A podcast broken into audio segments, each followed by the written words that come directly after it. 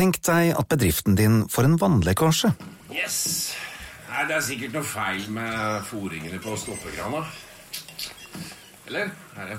Å gi rørleggeren inntrykk av at du har peiling, hjelper litt. If hjelper mye. Velkommen til If forsikring. Velkommen til podkast, skal du være, du som har lastet oss ned. Du er vår, altså Av alle lytterne våre, så er det du som laster oss ned, den vi liker absolutt best. Det kan vi si. Det kan vi si. For Ja. du har liksom gjort en absolutt innsats for å få oss på øret, og det setter vi pris på.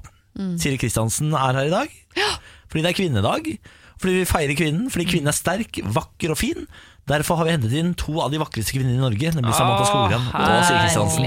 Og så gir vi jo da Lars en god anledning til å være uthvilt eh, til dagens marsj. Ja, det er riktig. Eh, Lars eh, kunne ikke komme fordi han eh, måtte gå i mars. Ja. Og Lars skal jo ha, bære denne fanen, og det er tungt. Altså. Det er, Det er det. tung Det er fane. tungt. Ja. Han får jo da mannefane, mens de andre kvinnene selvfølgelig får sånne her fjærefaner som ikke veier noe. For sånn er det jo. Vi ønsker Lars lykke til i hans Lars- kamp for kvinner. Absolutt. I løpet av denne podkasten kan du glede deg til eh, eh, kvinnenes tale fra meg. Ja, Du kan få lydrebus. ja, Og litt sladder. Absolutt. I tillegg til det så blir det jo gode tips og råd fra Siri. Mm. Det er nok å henge øra i, så er det bare å kose seg. Stapp ørene med Morgen på Radio 1, vær så god. Morgen på Radio 1. God morgen, Samantha Skogran. God morgen. Og så sier vi god morgen til Siri Kristiansen. God morgen. morgen, god morgen. Lars Berrum er borte i dag, og da kommer Siri inn fra siden som ei stjerne. Og hva passer vel bedre på kvinnedagen enn å ha to kvinner foran meg? Og vi har kvinnelig produsent også, så her er det deilig. Kristin på siden der. Kristin, Samantha og Siri. Skulle nesten tro det var avtalt. Og jeg er homo, så jeg er jo også liksom litt over på deres side. Du kan si det. Du kan kan, si si det. Så dette her er en eh, kvinnetung sending. Ja, det er deilig. Bare prøv å ikke lugge hverandre og ikke baksnakke og sånn, så blir dette veldig Ja, det var fint. sånn, ja. ja, ja, ja. vi kommer til å gå rundt i G-strenga og ikke hverandre før denne sendingen er ferdig. Det skal du være helt sikker på. Det blir baksnakking og masse andre hyggelige ting. Jeg har kjøpt inn ansiktsmaske og sånn agurk ta på øynene, så dette blir fint. Ja, da. så Gleder jeg meg til. bra. Men Niklas, hvordan har du det i dag? Jeg har det kjempebra. Mhm. Jeg har eh, Altså, jeg er midt i eh, Vi snakker mye om denne TV-serien her i programmet. The Good Wife, som er en sånn advokatserie. Og nå har det Altså, nå er jeg midt i noe greier, nå skjer det så utrolig mye. Så i går klarte jeg ikke legge meg, så jeg måtte Ja. bare se episode etter episode. Eh, Så klokka ble altfor mye, så jeg har nesten ikke sovet i natt fordi jeg måtte se på The Good Wife. Er det sant? Men Ja. var det ikke noe spoiler-greier her nå, men var det, hvilken sesong er du på? Nå er jeg vel i sesong fem. Ja, Siri, har du sett The Good Wife? Nei, eh, jeg har ikke Jeg trodde jeg hadde sett det som var å se på TV, egentlig. Men Ja. jeg begynner Jeg er glad i sånne advokatserier. Men jeg lurer på De må snart bringe noe nytt til bordet. For altså, det er så, Ja, så mange mener. at det, Ja, men den her er og det handler om det andre. god. De andre tingene. Ja, det handler mye om de andre tingene. Ja. Ehm, men det er altså syv sesonger, 22 episoder i hver sesong, Det er bra. og de er 43 minutter lange. Det er bra. Ja, jeg begynte jo på den nå fordi jeg, altså, Lars og Niklas har mast så mye om den serien at jeg hadde ikke noe valg, rett og slett. Jeg begynte på den serien for noen dager siden. Først tenkte jeg at den var litt sånn klisjé. Som sagt, hun ene liksom brukte kroppen sin litt for å få informasjon. Jeg ble litt, litt skeptisk, men så er den faktisk veldig bra. Og jeg, jeg syns ikke Suits er sånn kjempegøy, men jeg, jeg liker The Good Den er, jo, Wife. den er jo tre ganger så bra som Suits. Jeg syns det. Den her har sånn 8,4 på IMDb.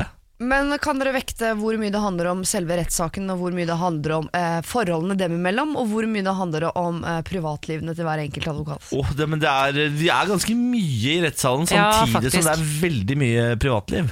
Fordi hele serien spinner ut på at Alicia Florrick Mhm. har vært uh, housewife i 20 år. Og så eh, er hennes mann, som er høytstående politiker, i en sexskandale. Han har ligget med prostituerte, som tvinger henne tilbake i jobb, for han skal i fengsel og noe greier. Yeah. Og så kommer hun inn i et firma og må jobbe seg fra grunnen som voksen dame med barn. Eh, og så starter intrigene. Ja, og enda viktigere, hun er ikke irriterende. Hun er bare veldig kul, hun dama. Ja, kul. Så, eh, kul serie. Men eh, jeg var eh, hos eh, skredderen i går, fordi min eh, Fins de enda? Ja, men Det er det som er så fint. Det er det jeg skal hylle skredderen. Fordi jeg var favorittbuksa mi spjæra for noen måneder siden. Eh, Ola Litt jeans som sitter litt høyt oppe. Det var før jul, Ja. så det, det var eh, et, et annet tegn. Men uansett så, så var jeg da Visste jeg ikke heller. Jeg, bare, jeg kan jo ikke sy, jeg har jo ingen sånne type egenskaper. Så jeg tenkte hvor skal jeg dra? Eh, googlet eh, skredder, kom opp skredder Jon, eller skredder John, jeg vet ikke, som ligger rett borti Prinsens gate, som ikke er så langt herfra, i Oslo. Og tok heisen opp dit. Sånn sinnssykt hyggelige lokaler. Så var det en dame som møtte meg der og sa hei, hva kan jeg hjelpe deg med? Hun så, tok en titt på buksa mi og sa dette kan vi lappe sammen, ikke noe problem, 200 og et eller annet kroner. Og så, og så eh, begynte jeg å prate med henne. Jeg bare tenkte sånn, det var så, tenk så hyggelig. Og de er så flinke. De hadde masse sånn eh, verktøy, og det var bare Dette er litt, høres rart ut, men jeg har ikke vært hos skredderen før. Vi er så jævlig barn av vår generasjon. Altså. De Ja, hadde men masse jeg innrømmer det. Ja, men det er ikke sånn, De sitter ikke bare Var det med bare nålen sin. Altså, jeg trodde det skulle være en app. At jeg gikk inn i et rom og trykte på knappen, så sa det svosj, og så har det en ny bukse. Men jeg har hørt at det er mange eh, unge folk som har utdannet seg som skredder, og spesielt kvinner, faktisk. I Bergen har det blitt en greie. Jeg har undersøkt dette, jeg syns det er veldig kult. Er det Jenny Skavlan-effekten? Skal akkurat la oss spørre. Ja, kanskje. Ja, kanskje det. Men uh, Eller er det Muir Craig-effekten, for hun har jo også gått på sånn uh, moteskole. Hun har lært seg å sy og strikke og sånn. Jeg tror Jeg tror ikke det er Muir Craig. Nei, men jeg skulle vite, for jeg er ingen av oss som har eh, studert sosiorastsystem eller ja, men bruker, dere, bruker du skreddersyr, eller fikser du, ordner ting sjøl? Jeg er jo sånn som fikser ting selv. Er Jeg har en indre MacGyver. Ja, er er oppvokst med en mor som har sydd og strikket alt jeg har brukt fram til midten av åttende klasse, vil jeg tro. Jeg fikk min første Levi's. Ja, jeg mener at husmorskole skal tilbake Ikke sånn god gammeldags at det er det eneste kvinner skal gjøre, men jeg oppriktig skulle ønske at jeg lærte litt mer eh, sånne praktiske kunnskaper. Eh, Min kjæreste Emil han kan sy sånne småting, i hvert fall. Kan ikke du liksom kjempe for at husmorskolen skal tilbake nå på kvinnedagen? Det er hadde vært kvinne- så det er riktig dag å gjøre det på. Jeg har, gått på, jeg har gått på husmorskole. Har du det? Ja, Mysen husmorskole. Eh, Ett år. Men når jeg, altså når jeg gikk der, så hadde jeg døpt om til Østfold møbelsnekkerskole. Men det var opprinnelig Mysen. Uh, Er det derfor du kan alle disse tingene? da? Ja, jeg tror det er mutter'n også. Mutter'n er håndverker. Det Ja, ligger i jeg er genene. Jeg bruker svigermor til å lappe sammen mine ting når de ryker. Ja, men vi er, vi, det Og, er og for hos meg dårlig. er det eplekake. Ja. Hva du da, Siri? Hvordan går det med deg? Du, det går eh, veldig, veldig eh, bra. Så var det deg. Jeg har tatt toget inn i dag eh, morges. Jeg har jo vært vikar her noen ganger nå. Det er stort sett eh, kjørt bil. Nå fikk jeg meg en sånn ekstra 40 minutters dupp fra Ja, deilig. eh, sola Nydelig. inn, så da er jeg trøtt på nytt. Ja. Eh, men det var veldig fint å våkne sånn kollektivt på Oslo S. Det var liksom en gjeng som det var akkurat som man hadde hatt Jeg skulle til å si noe stygt, men det var gruppesoving. Da, Ja, den gruppesoving, ja. Men Mm. vi var en, en gjeng med fremmede som våknet på Oslo S og gikk sånn i sakte tempo, og alle syntes synd på hverandre, alle syntes synd på seg selv. Og ba- følte på en, litt sånn, eh, en slags form for særlighet og omsorg på perrongen der i dag. Så koselig, Ja, det var deilig. Du er jo sammen med en lokfører. Er det, Det er sånn at når du er på, tar et NSB-tog, så får du sånn anerkjennende nikk og vink? Jeg vet, er du såpass godt kjent i miljøet nå? Eh, eh, det hender ganske ofte at jeg det gjør det. ja, det er helt, eh, det er vel, Jeg tror det er mest stas for min mann, som jo Det er flere og flere av hans kollegaer som oppdager at det er han som er lokføreren. Ja. Jeg snakker mye om han som lokføreren. eh, Ja. Og når folk sier 'er det du som er lokføreren'? Ja. Så vi er blitt et sånn uh, lite um, It-par i eh, It-par i NSB-systemet? bransjen, ja. I Fy NSB-bransjen. fader, det er ganske rått, da. Yes. Slipper du å vise billett og sånn? da? Nei, jeg har ikke kommet dit ennå, dessverre. Det er jo på en måte har jo vært intensjonen hele veien. Ja. Men uh, For det er en langsiktig spareplan her. absolutt, jeg har funnet meg et enebarn eh, med altså, goder. Det er selvfølgelig planen. Ja, det er lurt. Morgen på Radio 1. Samantha Skogran, Siri Kristiansen og meg, Niklas Baarli, ønsker deg en riktig god morgen. Og jeg kan bringe litt eh, gode nyheter også. Jeg har jo uh, hørt at dere snakker mye om hvor forbanna kaldt det er i dette landet, og jeg kan jo si meg enig i det. Jeg bor jo her, jeg kjenner det på kroppen. Ja. Nå har det riktignok blitt litt mildere de siste dagene her på Østlandet, men uh, jeg kan også bringe gode nyheter eh, fra nrk.no, hvor det står at våren kommer opptil 16 dager tidligere nå enn for 10 dager, altså fra 10 år siden. Er det sant? Sant? Det som er rart er at Jo lenger nord du kommer, jo tidligere kommer våren. Så hvis du skal få full effekt av en tidlig vår, så bør du flytte til, um, altså til uh, Arktis. Er det sant? Ja. Dette er jo helt motsatt av hva jeg tror. ja, det er lite logisk. Ja, Min kunnskap strekker ikke til her. Nei. Men jeg husker jo at mamma ofte sa sånn Ja ja, vi får håpe det ikke blir Det hadde vært snø på 17. mai og sånn før. Eh, og da begynner jeg å bli bekymra, for jeg er sånn veldig klar nå for at det skal bli vår i morgen. Jeg er så klar i morgen, faktisk. Ja. Ja. Men det er ikke lenge siden det var snø. Det var snø på 17. mai da jeg var russ. Vi er jo like gamle, Niklas. Det var i 2007 eller 2008. Jeg var ikke russ, vet du. Nei, men uh, du husker kanskje det året Jeg har fortrengt hele vennene russåret. dine var russ, for Jeg har fortrengt hele året. Ja. Det året Men du kunne var vært det russ hvis du hadde gjort det du, uh, Det du egentlig skulle. Ikke sant? Jeg kunne vært russ, Det er det som er så rart, fordi jeg kunne vært russ. Jeg gikk jo på folkehøyskole når alle vennene mine var russ. Ja. Men jeg kunne søke om å være russ. Men da hadde jeg vært han ene fyren på folkehøyskolen i russebukse. Ja, det skjønner jeg. Og det droppa jeg. Ja, det Ja. tror jeg var lurt. Men det jeg tenkte å høre med dere, for jeg, synes, eh, jeg har aldri vært spesielt glad i våren. Jeg syns bare det er en sånn Ja. irriterende mellomfase. Jeg er veldig glad i sommeren, eh, veldig glad i høst. Ikke så glad i vinter, før i år hvor jeg da har oppdaget alpint. da har på en måte snøen fått en betydning for meg også. Jeg ville høre med dere, for dette har jeg gjort mange ganger i mitt liv, hvor jeg setter opp et slags kakediagram over mitt, eh, altså mitt drømmeliv. Hvordan det hadde sett ut hvis jeg kunne fordele sesongene sånn som jeg ville. Har du, har du gjort det mange ganger i ditt liv? Ja, det har jeg gjort mange ganger i mitt liv. Så nå er jeg nysgjerrig på hvordan deres drømmeår ser ut. Hvor lang er høsten, og hvor lang er våren og sommeren og vinteren, hvis dere kunne velge? Ja, det er faktisk godt Jeg er helt enig med deg, Siri. Jeg er faktisk en som blir litt sånn melankolsk når våren kommer. Jeg er litt sånn motsatt. Jeg blir veldig glad altså, eh, Høsten passer veldig godt med mitt sinn, rett og slett. Og, eh, så jeg, jeg er helt enig. Jeg ville kortet ned våren litt. Oi. Eh, nå er ikke jeg så god på hoderegning, så jeg orker faktisk ikke å begynne med sånne måneder og sånn, for jeg kommer til å ikke til å ende opp på tolv måneder. Fire Det sesonger. orker 16 ikke å måneder, fordele. Vi Jeg hadde tatt det kortere vår, litt lengre sommer, en ganske lang høst og eh, veldig kort vinter. Jeg hadde, Dette er veldig enkelt for meg. Jeg hadde hatt to uker høst. Eh, og to uker høst, null uker vinter. Ja. Eh, og så hadde jeg tatt én måned vår og resten sommer. Ja, vi er en sommerglad gjeng, ja. Altså, jeg, jeg skulle jo egentlig bodd i Thailand, jeg, etter personlighet. ja. Men det er fullt mulig, det. Og jeg skal det. Jeg skal få jobb med en sånn uh, hvit wife-biter Ja. idet jeg fyller 45. Første fly til Phuket. Og jeg skal ligge med ladyboys all day long, every day. Ja, og Hvor er kjæresten din inni det her, da? Nei, men da er vi såpass gamle og trygge på hverandre at det er sånn Du er hypp på å ligge med en ladyboy i dag. Ut og kos deg. Det utfordrer ikke vår kjærlighet, kommer jeg til å si. Hva Ja. med deg da, Siri? Nei, eh, min er jo ganske identisk som eh, din, eh, Ja. Samantha. Jeg ville hatt en Sommeren kunne vært akkurat sånn som han er, syns jeg passer lang. Eh, men høsten hadde vært betraktelig lenger. Ja. Vinteren hadde vært litt kortere, og, og våren hadde vært kjempekort. Det Det hadde hadde vært mer sånn Nei, se, nå kommer det en blåst! Nei, en til! Sommer. Ingenting er som når uh, trærne visner og det blåser skikkelig. Å, da koser vi oss på høsten der. Ja, vi snakker ikke slutten av november-høst, men den der eh, september-oktober-høsten, den kan jeg altså smøre meg inn med. Jeg kunne levd i august jeg, hele året. Det hadde vært eh, den perfekte måneden for meg. Eh, Jeg driver og svømmer om dagen. Har fått meg halvtårskort på Tøyenbadet i Oslo. eh, Og svømmer 1000 meter hver gang jeg er der oppe. Har regna på at jeg bruker rundt en halvtime på det. Det er bra, Niklas. Det er min gamle arbeidsplass. Hei det- til alle på Tøyenbadet. Veldig fint der oppe blitt. Ja. Eh, skjønt at det er pusset opp, aldri vært der før, da. Men eh, det ser veldig fint der nå i hvert fall. Jeg og pensjonistene. Det er meg og ti pensjonister som Ja. svømmer i kø, og koser oss veldig med det. koser oss veldig med det. Ja. Uh, nå har jeg et lite problem, for jeg har lovet kjæresten min å svømme to ganger i uken fordi jeg skal på guttetur. Så er det dealen. Han hevder at det er pga. helsen min, men det er mest sannsynlig fordi jeg er tjukk. Uh, så prøver han å slanke meg gjennom noe trening, og jeg får da dra på guttetur, så må jeg drikke på meg alle de kiloene eventuelt går ned i svømming. Nå er problemet det at jeg har fått en helvete strekk inni lysken her, så jeg klarer jo fader ikke gå nesten. Men jeg har med meg svømmetøy som jeg skal opp på Tøyenbadet etterpå. Svømme 1000 meter med lyskestrekk. Og da mener jeg er det, Her må man få lov til å ha med lapp hjemmefra. Ja. Her mener jeg at du har to alternativer. Det ene er at du crawler, som jeg regner med at du kan, siden du er såpass glad i svømming. Ja, Det er ikke så vondt for lysken. or det orker jeg ikke. Mer enn 25 meter så orker jeg ikke mer crawling. Nei, ok, det er jo et problem. Eh, da går jeg til alternativ to. Jeg er verdensmester i juksing, bruker mye Ja, ja, ja. eh, tid på det.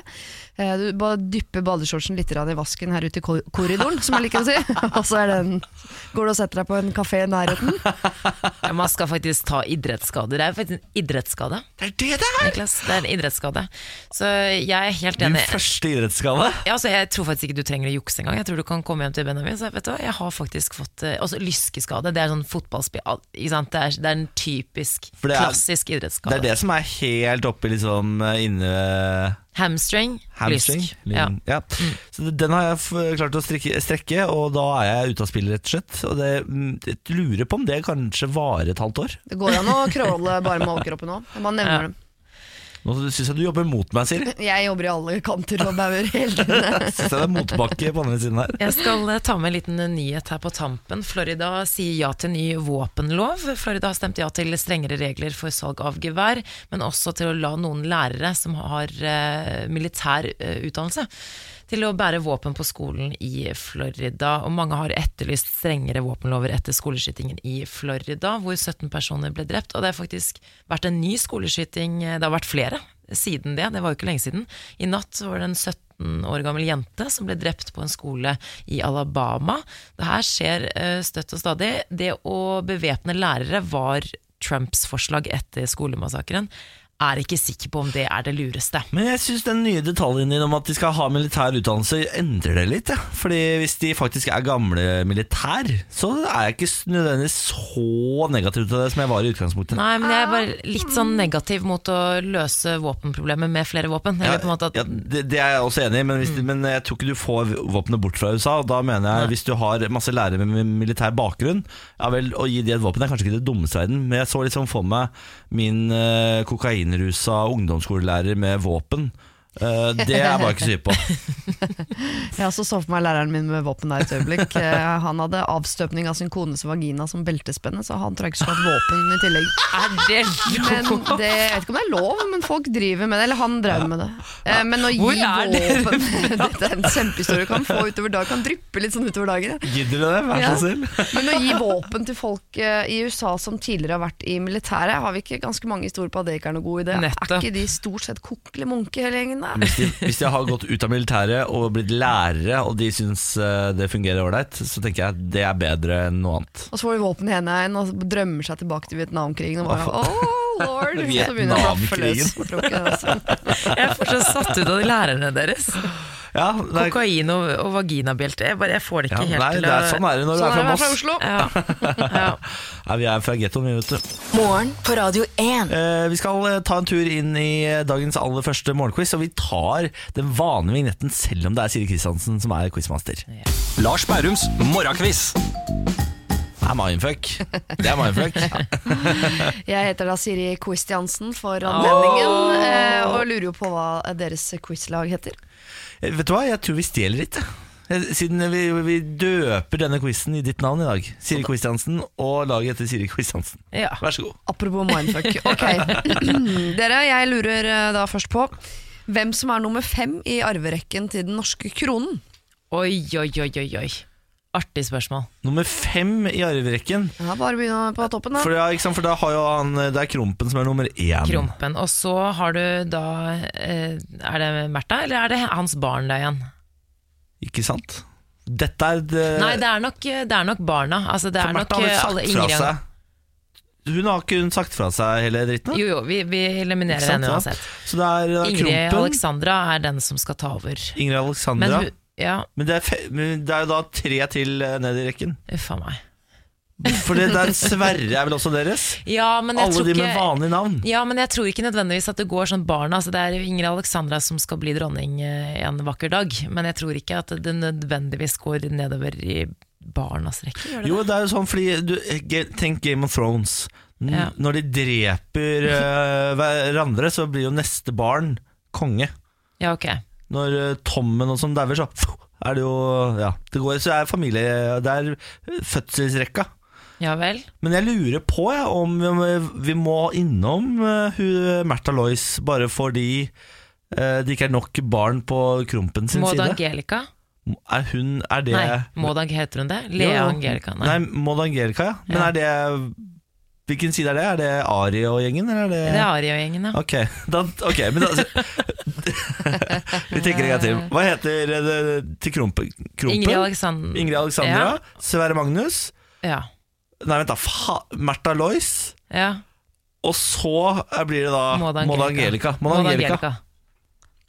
Eh, Svarene kommer vel til slutt, Ja, så vi får bare ikke si noe nå. ikke- Jeg, jeg håper at dere kan fortsette å bruke Game of Thrones som uh, måte å tenke på, også i følgende spørsmål.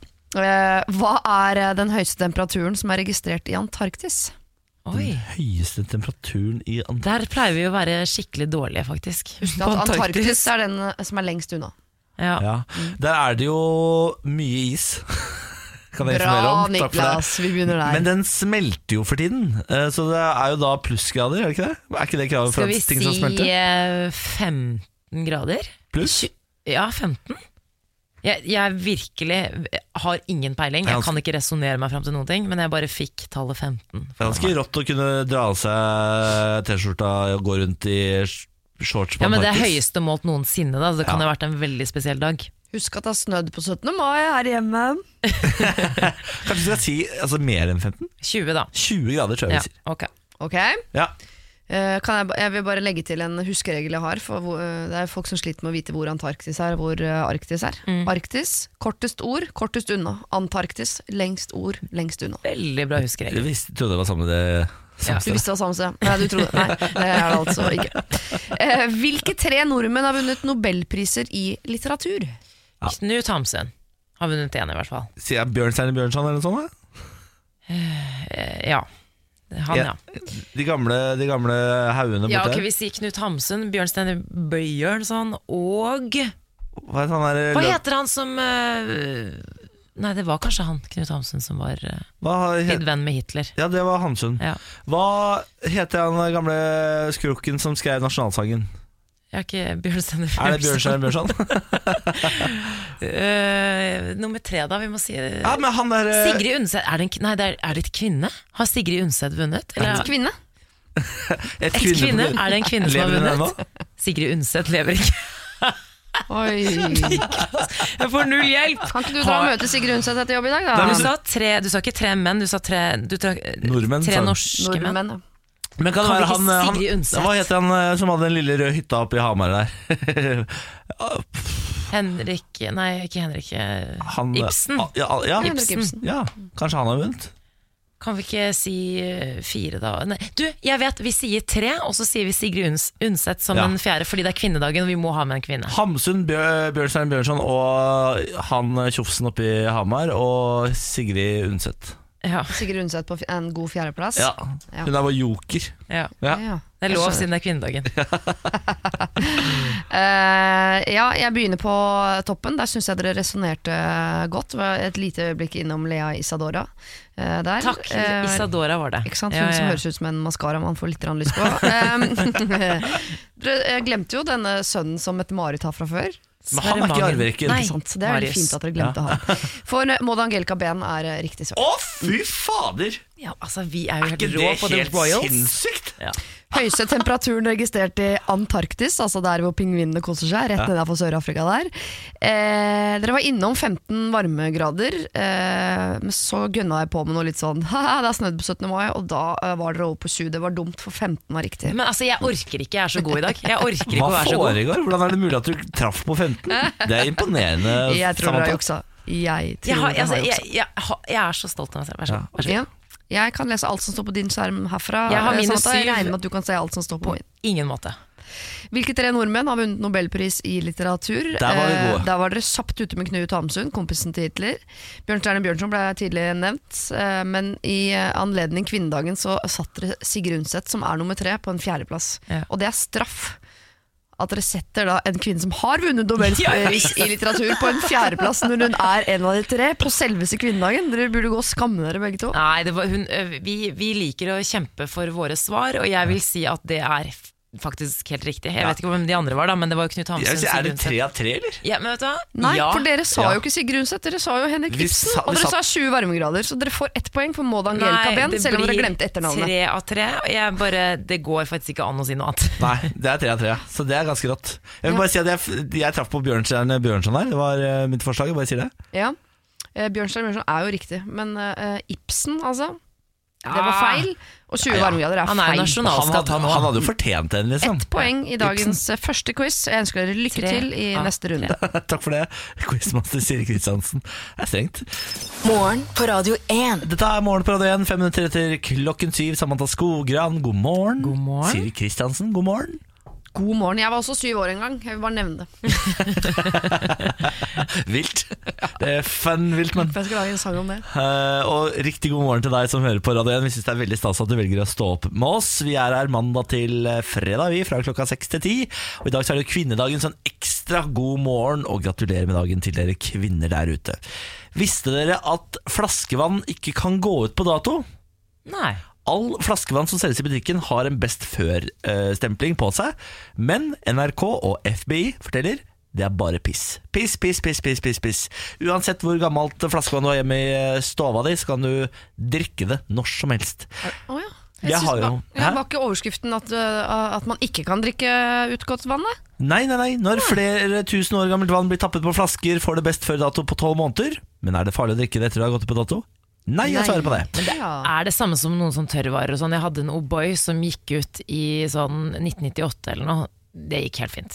Det er faktisk 20 år eh, i Å, dag. fy fader. Ja, ja, det det jeg, jeg så, det var en sak her i forrige uke om en fyr som hadde en sitronkake eller noe sånt, som han hadde kjøpt eh, for eh, 35 år siden, sånt, som var like fin, og som han også spiste. Ah, ja. Så eh, jeg har jo kronisk best før-angst. Jeg kaster jo ting gjerne to dager før det har gått ut på dato, bare fordi jeg er livredd fra Ja, det er så dumt. Jeg vet det, det er dumt. I hvert fall kjøtt. Og ja, kjøtt vet vet jeg er ekstra dumt, Fordi det blir jo, skal jo egentlig ligge gjerne litt etter dato og bli bedre og bedre, sier min far som har jobba på slakteri. Men hvorfor, Da skal du ikke stå best før. Da, da må du uh, Best etter, burde du stå. Ja, det er riktig. Ja. Men eh, best etter, best hele den datostemplinga gir meg litt sånn angst. Men nå blir jeg, jeg er veldig glad for den nye løsningen som har kommet på diverse eh, produkter, hvor det er sånn eh, hvor de tester lufta inni, og så har de en sånn, eh, et slags termometer utenpå Ja, som ja, ja. viser hvor lang holdbarhet det har igjen. Så har de slutta med en dato. For da slipper jeg å forholde meg til dato, så kan jeg bare forholde meg til den der streken som jeg stoler blindt på. Ja. Av en eller annen merkelig grunn. Men eh, Ja. en annen nyhet om plastflasker som eh, kom for ikke så lenge siden, er at man ikke skal bruke det mer enn én gang. Og Det leste jeg. Det visste ikke jeg, men det er visstnok en bakteriebombe uten like. Så jeg pleier alltid å ha den samme flasken i hvert fall sånn to uker med meg på gymmen, ta med den på kontoret osv. osv. Det er ikke bra. Du skal bruke hatt- den én gang. Jeg hadde en sånn Olden-flaske ved siden av senga mi fram til den saken kom, i sikkert over et år. Ja, æsj. Bah. Du er jo aldri syk da, så det går fint. Det er sant, det, men det er fordi jeg har bygd opp bakterieresistens. Antageligvis alle bakterier i kroppen din kjenner igjen alle og sier sånn Hei, fetter, hei, kusine til alle bakteriene som kommer inn. Så blir det bare fest hver eneste gang. Oi, oi. Dere, jeg har eh, apropos eh, angst, jeg har ikke så angst for det greiene der, bortsett fra egg. Det syns jeg er ekkelt. Nå går det på dato. Eh, men jeg har en annen angst som er tett relatert opp mot Bare en ting på det. Ja. Du vet at egg i Norge, norske egg kan du egentlig spise to måneder etter utløpsdato? Skjer ikke. Kommer ikke til å skje i mitt liv. Fordi vi har EU-regler på eggene våre, og de lagres helt annerledes i Norge. Fordi man, man, man har samme datostempling på egg i Norge som i, eh, på egg i Spania, for eksempel, som lagres ute i varmen.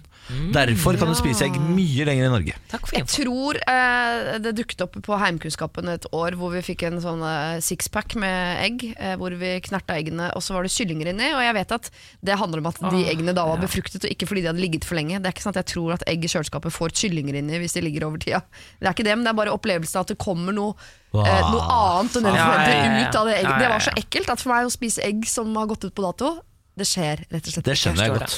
Ja. Ja. Du har posttraumatisk stressforstyrrelse. Lite grann, Litt grann har jeg det. Eh, og jeg skal ikke kaste rundt meg med eh, betegnelsen angst, for det blir jo misbrukt eh, for tiden. Men en ting jeg er litt redd for for tida, da, eh, er nettopp det som jeg snakket om tidlig i dag morges. At jeg har en tendens til å sovne på toget. Og Vanligvis gjør jeg jo det ganske sent på dagen. Sover alltid på toget. Sover veldig godt på tog og i bil. Og min eh, frykt går altså ut på ta folk bilder av det. Oh, Fins ja. det bilder av meg der ute hvor jeg sitter og sover? Forferdelig.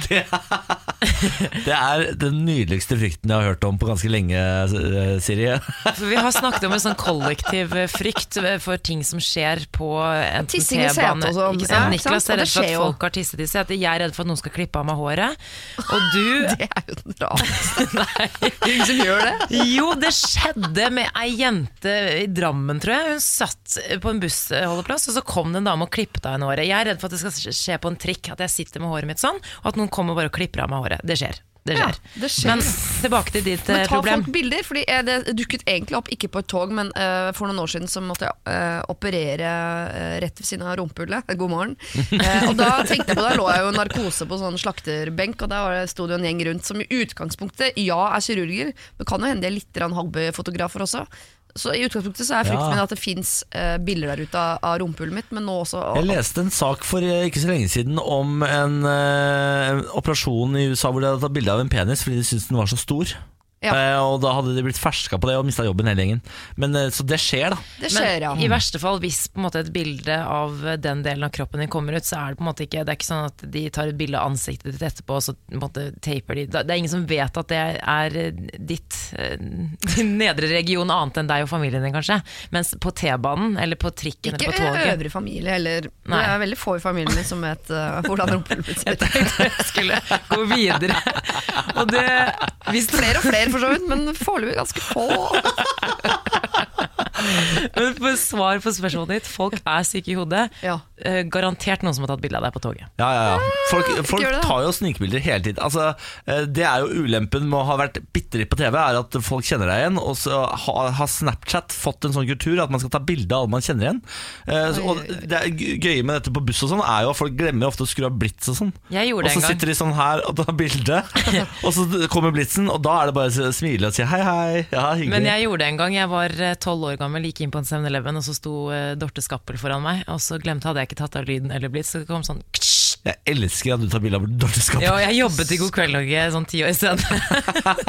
Fortalte du det til Dorte? det var flaut. Nei, men jeg sier det nå. Ja, men å, Har Sorry, du ikke Dorte. fortalt det til Dorte? Nei, Hun hadde sikkert ikke. elsket den historien. Nei. Å, lille Ja. Jeg ser for meg at Dorte er så uh, snill og god. Jeg Ja. vet ikke hvorfor. Men du, kan jeg bare ta med jeg vil, Hun er det! Dorte Ja. er veldig snill. Ja. Men jeg vil bare si en liten ting. Ja. Eh, Vi har snakket om en liten nyhet her om at det spøker for Spice Girls i en forening Ja, vil bare si at det er Victoria Beckham sin feil. Selvfølgelig Ikke ikke det har ingenting ingenting å tjene på det. Mel C sier i et intervju nå, eh, det er Sporty Spice altså, Mm. at det er Victoria Beckham. Hun skulle jo være med på en sånn gjenforening, en konsert, en turné, men at hun ikke skulle synge. Hun skulle være med, men ikke synge. Men nå spøker det altså, for jeg tror kanskje at hun ikke har lyst til å være med i det hele tatt. Men hun har jo aldri sunget i det bandet uansett, så de kan jo fint gjenforenes uten henne. Og selvfølgelig vil ikke Victoria Beckham være med på Spice. Hun har jo hatt suksess etter Spice Girls, så hun kan jo ikke gå tilbake til eh, drittutgangspunktet sitt når hun har fått et nydelig liv etterpå. Ja. Og holde seg til klesdesign og, og eh, fotballfruing. Morgen på Radio 1. Nå, mine venner, skal vi ta på oss den myke stemmen. For den mykeste stemmen din, Siri. Eh, det er den her. Den er veldig myk. Den er litt transete. Lærerstemme. Jeg er egentlig en mann, sier jeg. Ja, det- det- jeg hører dette. Ok, vi tar på oss øh, den transseksuelle stemmen. Ja. Min myke stemme og Samantas. Hei, hei. Å, fy fader, den er god. Altså, det er sånn nattønske på P1-stemme. Ja. Ta på deg den, for nå skal vi inn i Tenketanken.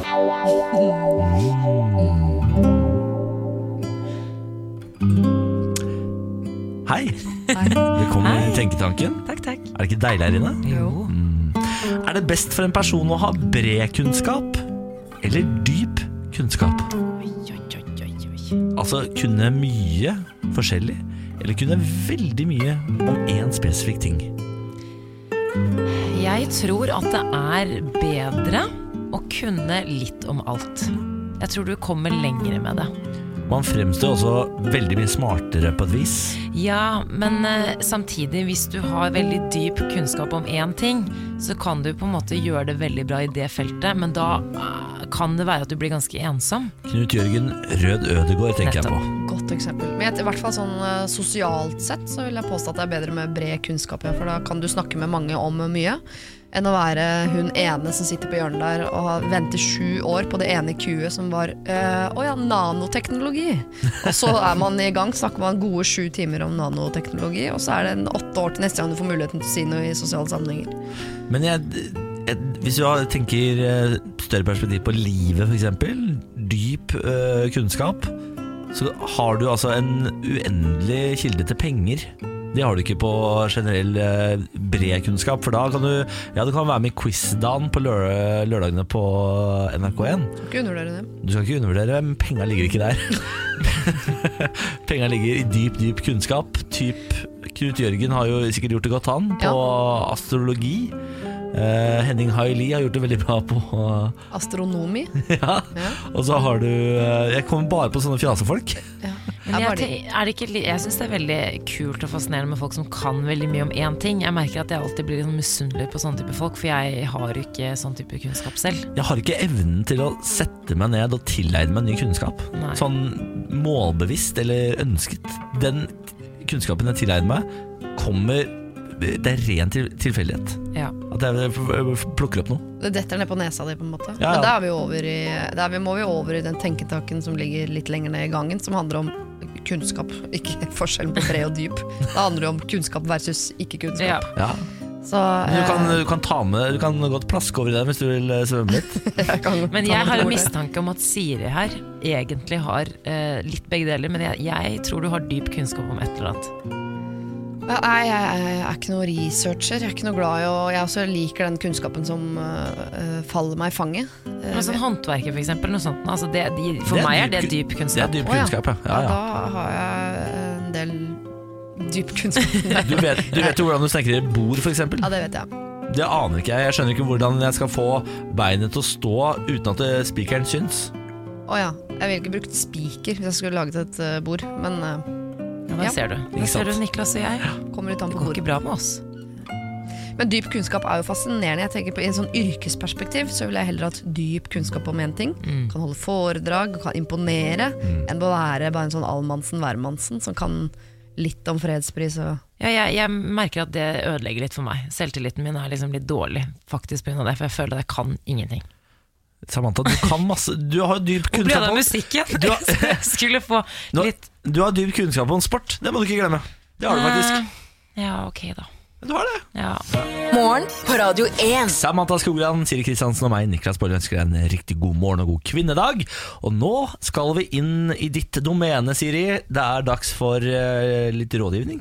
Ja, vi skal prøve å hjelpe en som heter uh, Mathilde. Og jeg satt bare akkurat og tenkte på at dere er jo uh, Kygo og Selena Gomez på mange måter. Niklas, du er litt Kygo. Samantha, du er litt Selena Gomez. Hvordan, Så eh, kan dere være så snill å lage en parodi på den It Ain't Me-låta. Vær så snill. Jeg elsker at du kom på det nå, Ja. etter vi, ja, et, i utgangen Ikke av gi meg. Kygo, han er jo så kjedelig. Og jeg ser for meg deg bak en sånn pult som står og mikser noen låter på en sånn Findings-festival, og så står Samantha Skogrein og hvitt Altså, sin og synger. Jeg tar imot. Jeg tar imot Altså, den jeg der. følte du vant den. Han er kje- Nei, men Kygo er kjekk, han òg, men han er jo bare så Ja. kjedelig. Ja, det er ikke du. Dere, eh, det skal handle om eh, Mathilde, for hun har sendt inn til sirialfakrøll radio1.no eh, følgende. Jeg har en god kompis som jeg har kjent i mange år. Siden vi ble kjent har han vært litt opp og ned i vekt, og har eh, alltid vært på den tyngre siden. Jeg vet at han tidligere har gjort sitt med å prøve å komme i bedre form. Han har syklet til jobb, gått på tur, kutta ned på colaen osv. Altså Coca-Colaen. Vi bor i to forskjellige byer, så da jeg traff han igjen her for første gang siden i sommer eh, nå, så reagerte jeg på hvordan han så ut. Han så rett og slett overvektig og usunn ut. Jeg har ikke noe mot noen ekstra kilo, men det faktum, faktum at han så såpass usunn ut, uroer meg. Hvordan tar man opp det? Oh, betent. Ai, ai, ai. Det her er jo øh, meg. Det er meg de snakker om her. Ja. Uh, og det er jo øh, Jeg har ikke kommet dit at vennene mine har tatt opp ennå, men jeg har jo da blitt tvunget til å svømme to ganger i uken av kjæresten min. Ja. Uh, så, Det er litt rart for øvrig at han på en måte vil uh, deile deg opp før han sender deg ut på guttetur. Det er jo Sånn, ja. motsatt av sånn vi kvinner jobber. Prøver å gjøre mannen så stygg som mulig før han går ut på byen. Alltid ligge med han og gjøre han stygg, og så sender jeg han ut. Rufse håret, liten runde nedentil, og så er det rett ut. Nok om det. Men Um, Niklas, det, for deg så handler det mer om å være sunn, ikke nødvendigvis sånn skal deile deg opp. ja, nei, ja han, han pusher liksom helsa mi foran meg, men jeg vet jo at det er, øh, det er både og her. Men det gjør Mathilde også. Hun sier at hun er opptatt av at han ser sunn ut. Og jeg sier ikke at det ikke er sant, men uansett hvordan du legger det fram overfor denne kompisen, så vil jo han Han hører ikke Han hører 'jeg vil feit. at du skal være sunn', han hører 'du syns jeg er tjukk'. Ja, og så er det litt annerledes, for disse, de er jo venner. Eh, Mathilde og denne kompisen. De er ikke i et kjæresteforhold. Jeg føler I et kjæresteforhold så er det litt lettere å på en måte si sånn Du, jeg er bekymret for deg, du må øh, skjerpe deg litt. For venneforhold er litt vanskeligere. Men har hun noe som helst hun skulle sagt på dette? da? Er dette hennes domene i det hele tatt? Skal ikke hun egentlig bare se på det forfallet og holde kjeft fram til det blir, liksom blir sånn Det skal ganske, gå ganske langt før man som venn har rett til å si ifra.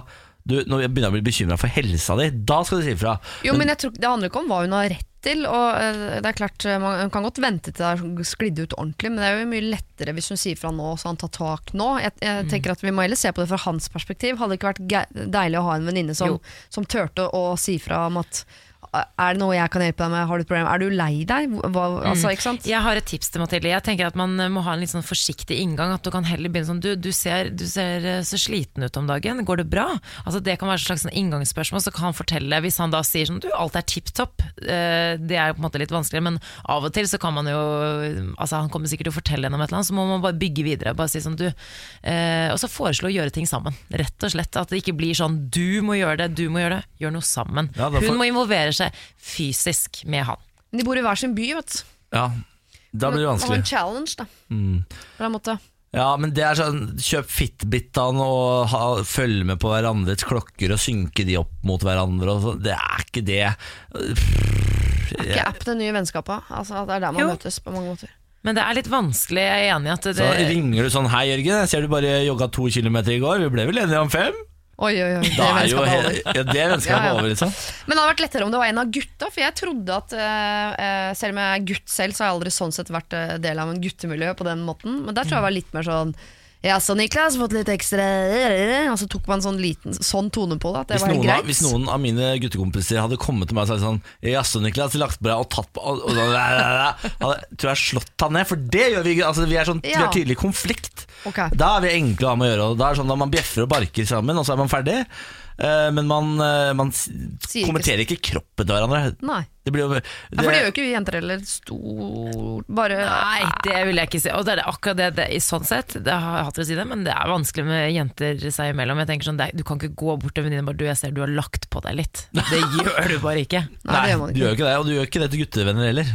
Nei, men jeg tenker sånn når det går på helsen, da. Én En ting, ting hvis man ser eh, måte, hvis man er overvektig eller har noen kilo for mye, men hvis det faktisk går på helsen, så syns jeg man skal ta det opp sånn ordentlig, sånn på ordentlig, og si at jeg er litt bekymret for deg, du ser usunn ut, eh, dette er farlig. Men da ville jeg satt meg ned med han, og så ville jeg eh, drukket litt grann vin, for alt er lettere på fylla.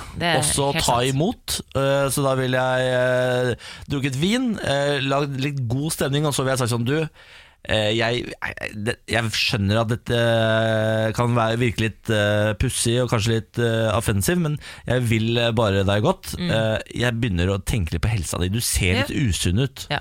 Ja. Og vært veldig bevisst på hva, hvordan du ordlegger deg. da Mathilde, det virker jo som du har det på plass eh, allerede, så du må passe på at det kommer fram når du snakker med kompisen din. At det, her- er velmenende, det er av kjærlighet. Du ønsker han vel, du vil at han skal være sunn, ha et godt liv, og du er eh, bare genuint nysgjerrig på hvordan han har det. Har han det bra mentalt? Er det en grunn til at han eh, ser ut som han eh, gjør? Og er det noe du kan gjøre for å hjelpe til? Bare ha den med deg inn i møtet, liksom. Og så litt grann, eh, Masse vin. vin. Masse vin, ja. Masse. Masse vin. Det er det lureste. Har du et problem du trenger hjelp med, så kan Siri hjelpe deg hver eneste søndag her på Radio 1. Klokken to starter Siri og de gode hjelperne, og du sender problemene dine til Siri krøllalfa radio1.no. Morgen på Radio 1. Det er den 8. mars, det betyr kvinnedagen, og alle kvinner har på en måte bursdag i dag. Gratulerer skal dere ha med dagen. Eh, Dere får jo roser på gatene og i butikken og sånn på 8. mars, har jeg lagt merke til. At Rema 1000 ofte deler ut roser hvis dere handler. Ja. Yes. Så stikk en tur innom Rema 1000 og få dere en gratis rose hvis de holder på med det i dag også. Eh, 8. mars betyr også at eh, kvinnene fortjener en hyllest og tale. Og siden jeg er eneste mann eh, her i redaksjonen, så kan jo jeg ta det, tenkte jeg. Så hyggelig, da. Ja, jeg ble spurt om dette i går, altså, så jeg er ikke helt frivillig. Vi prøver. Kjære alle kvinner der ute. Høye, lave, store og små. Høyt utdannet og lavt utdannet. Vakre og stygge, ja, for noen er også det. Gratulerer med dagen. Når jeg ble bedt om å holde denne hyllesten, så tenkte jeg Jøss, hva kan vel egentlig jeg om kvinnen? Denne lille homoen fra Moss som har skydd kvinnen som pesten siden 18-årsalderen?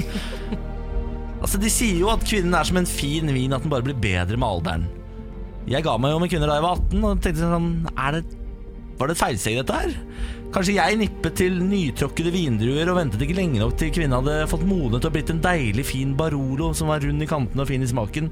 Kanskje jeg bare sippet på sånn her dårlig bærtråkk? Kanskje jeg hadde vært hetero i dag om jeg hadde funnet meg en kvinne og lagret henne riktig. En litt sånn kjølig, mørk kjeller liggende i riktig posisjon. Kanskje var det det Fritzel drev med. Han lagret nytråkkede druer i vente på at de skulle bli fin vin. Jeg kan innse at dette er et sidespor. Men hva vet vel jeg, 28 år gamle Niklas, om kvinnen?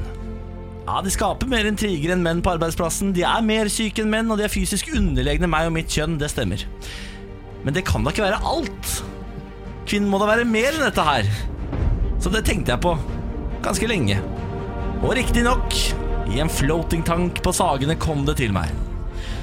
Vi er jo egentlig ikke så ulike, homsen og kvinnen. Faktisk er det så rå at mange homofile tar fakter etter dere og har som hobby å kle seg ut som dere.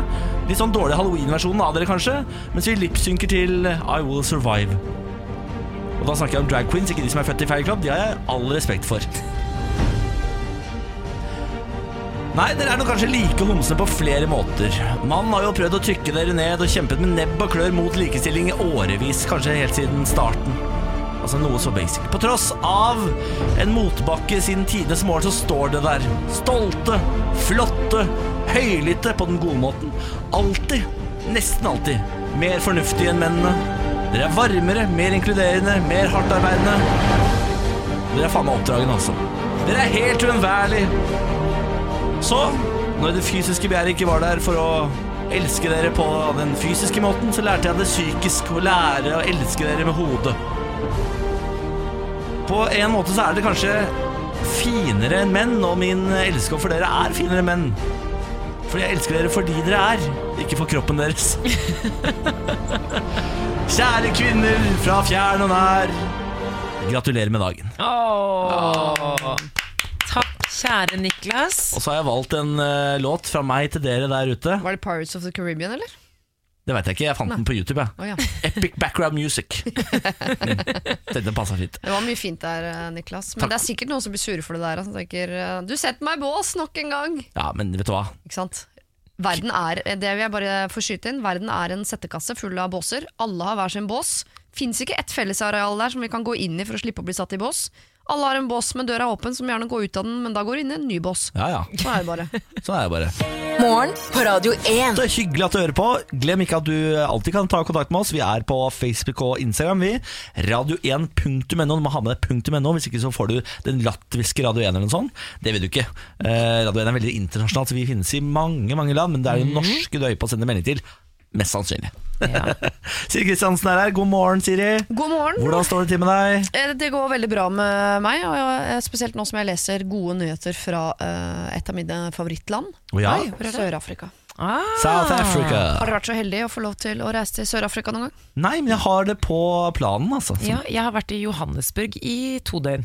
Ja. Jeg dro hjem igjen. Akkurat Johannesburg er ikke så himla koselig. Verdens farligste by. Ja, eh, Man bør vel eh, ta og sette seg i roboten og ta noen ekstra åretak eh, nedover mot Cape Town. For Ah, Cape Town ja. er altså en av de fineste byene i hele verden. Hva er det som gjør Cape Town så fint, da?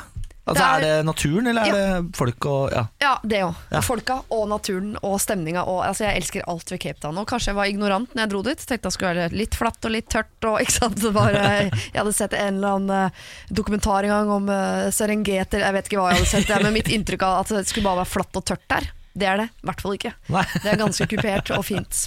Så jeg syns det var rart når eh, Dere har sikkert hørt om denne eh, denne vannmangelen de har der uh, nede. Ja. Altså Day Zero, som er da i august. Hvis det er den dagen da er vi tomme for ferskvann. Da har vi ikke noe mer å drikke. Og har hatt masse sånne restriksjoner på nå hvor mye vann uh, hver enkelt innbygger får lov til å bruke hver eneste dag. Og 50 det, liter, var det ikke det? 50 liter om dagen er Ja. det de får bruke. Og nå er den avlyst. Nei! Altså Day Zero er avlyst Nei, fordi eh, de går ut ifra at det har kommet såpass mye eh, Det er så godt, godt ut i liksom regnsesongen, denne Mm. Day Zero, at de regner med at eh, innen den dagen kommer, så er det såpass mye vann her at vi kan avblåse hele greia for i år. Men det fordrer jo at folk fortsetter å spare på vannet. Altså ikke, Helst ikke noe mer enn 50 liter om dagen. Men 50 liter eh, Igjen eh, naivitet eh, hos meg, men jeg tenker sånn, fem, bruker jo ikke 50 liter vann om dagen. Du bruker 10 liter bare på å skylle ned i do. Er det Er sant? det sant? Ja. Ti liter på ett skyll, så de skyller ikke ned do der, f.eks. Nei, men jeg, altså, Da slår jeg et slag for noe som jeg har slått et slag for mange ganger før. Nå kommer dere til å rynke på nesa, men jeg eh, forbeholder meg retten til å tisse i dusjen hjemme. Det gjør jeg. Jeg tisser ikke i badekaret. Det har hendt, det også. Men eh, jeg En liten tisser- glipp? Li, ja, en liten glipp på Ja. slutten av liksom. Men uh, at man skal få lov å tisse i dusjen. Og jeg mener også at noen nå snart må finne opp en oppfinnelse. Der hvor eh, vannet i dusjen dras inn i en tank, renses, og så bruker du det om igjen. Trenger ikke helt nytt Finns vann. ikke det, da? Kan jeg stille et spørsmål om eh, kvinnens anatomi, fordi jeg tross alt ikke er så godt kjent med den. Men når du tisser i dusjen, tisser du ikke da bare utover dine egne bein? Jo, det vil forekomme, ja. Ja, Men det kan er jo komme liksom, sånn, Det kan stråle rett ned også. Det kommer an på hvor mye urin du har i blæra. Hvor god eh, trøkk det er i strålen. Nettopp. ja. Men Men jeg trykker ikke til. siste Jeg lar det bare altså, Være fritt. Sier Du står i dusjen, så du vasker deg jo, Jo, jo. Du er uansett. møktig i et nanosekund, da. Ja, ja, nei, men jeg, For det hadde vært no go for meg, da. Er det sant? Ja. Jeg, for, så, for å si det på en annen måte, jeg har ikke noe golden shower-fiksjon. Det har ikke vi det har andre heller. heller. Men jeg, jeg jobber hardt med å ikke tisse i dusjen på offentlig badeanlegg, liksom. Da må jeg Jeg gjør det ikke, men jeg må snakke til meg sjøl for ikke å gjøre det. For ikke det er så naturlig for meg. Ikke Ja, for det er en sånn sensasjon, en sånn uh, varm, litt sånn Man får lyst, ja. Det er helt riktig. Men det er ganske deilig, og det er miljøvennlig også, for det skylles bare ut med badevannet. Det Slipper er bare litt tiss. Det er tiss, liksom. Det er jo helt reint. Ja, nei, jeg tisser i toalettet, jeg, sånn som vanlige folk. Men Men da bruker du ti liter vann. Bare der, ikke sant? Hadde du hatt ti liter vann ekstra til å lage eh, isbiter, eksempel, hvis det er din greie. Det er bare oppfordring til eh, dere i Cape Town. Da. Altså, hvis dere skal fortsette nå å bruke 50 liter vann om dagen, bare, så, uh, så syns jeg det skal være lov å tisse i dusjen. ja. Eller, ja, dusje er kanskje jeg en dårlig idé i enig i utgangspunktet. at I Cape Town kan du, du dusje. Du får bare lov til å dusje to minutter hver dag. Kanskje dusje i do, da. dusje og tisse samtidig. Lykke til, Cape Town. Uh, jeg var på floating i går, som er, for deg som ikke vet det, et eh, vannbad, egentlig. En hvit kuppel. Hvor Ja, du legger deg inn i eh, et vann som er så salt at du flyter bedre enn i Dødehavet. Det er 450 kilo salt i vannet, Mm. så du flyter eh, Så du føler deg helt vektløs. I denne kuppelen så var det sånn tre knapper. En for musikk, en sånn uh, panikknapp hvis du får klaus, og en til å lukke taket. Så jeg la meg ned. Først så går jeg i dusjen, dusjer mer igjen. Og så kler du deg helt naken, går inn i denne kuppelen, trykker på knappen, så senkes taket ned.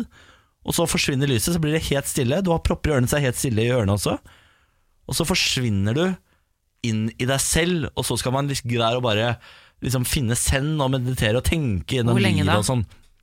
70 minutter. Oi.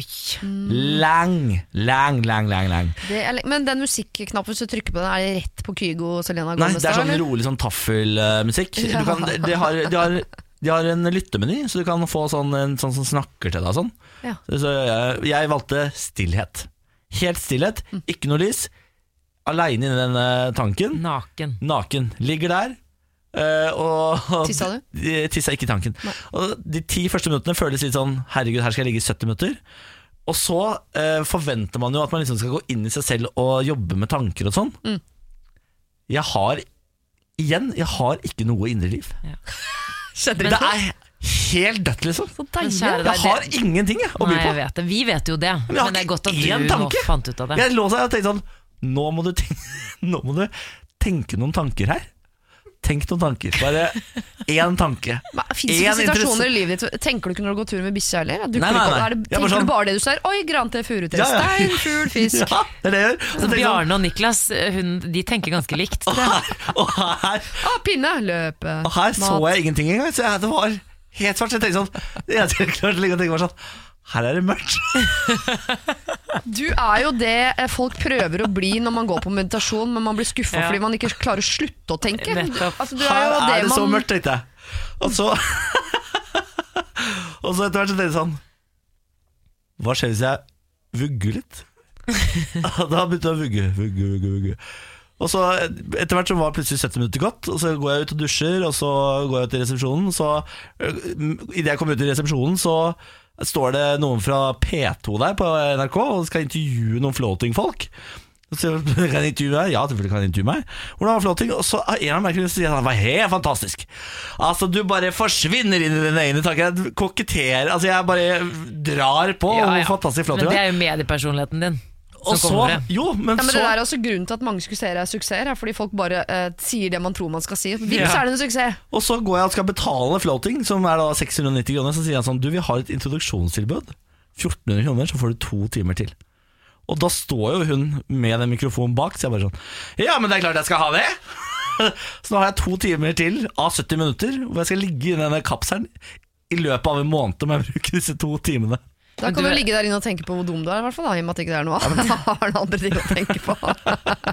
så dum jeg er, og så dum jeg Vet du, er. Niklas, det er folk, jeg ville betalt uh, gode penger for å ha det sånn som det der. Uh, du burde Jeg er misunnelig, faktisk. Jeg, Jeg er også ja. litt misunnelig på det. jeg skulle ønske jeg hadde liksom bare liksom én interessant tanke om et eller annet. Bare noe større enn meg sjæl, liksom. Ja. Jeg skulle ønske Ja. jeg kunne være deg 70 minutter i uka. Ja. Ja. Velkommen inn i mitt liv. Eh, Det er bare å begynne med floating, dere. Det var helt, helt fantastisk. Morgen på Radio 1. Vi, dere, vi skal en tur inn i ny runde med quiz. Eh, Det heter Lars Berrums morgenquiz, men det er Siri som har den. Lars Bærums morgenquiz. Bare i tilfelle du blir helt forvirra når du hører- nå hører denne stemmen. Eh, God morgen. Dette er eh, Siri Kristiansen, som nå skal eh, forlede Samantha Skogran og Niklas Baarli inn i runde to med quizing. Vi Har dere samme quizlagnavn nå, eller? Nei, vi har byttet. Eh, Nå heter vi Vi er ikke lesbisk, men 100 kroner er 100 kroner.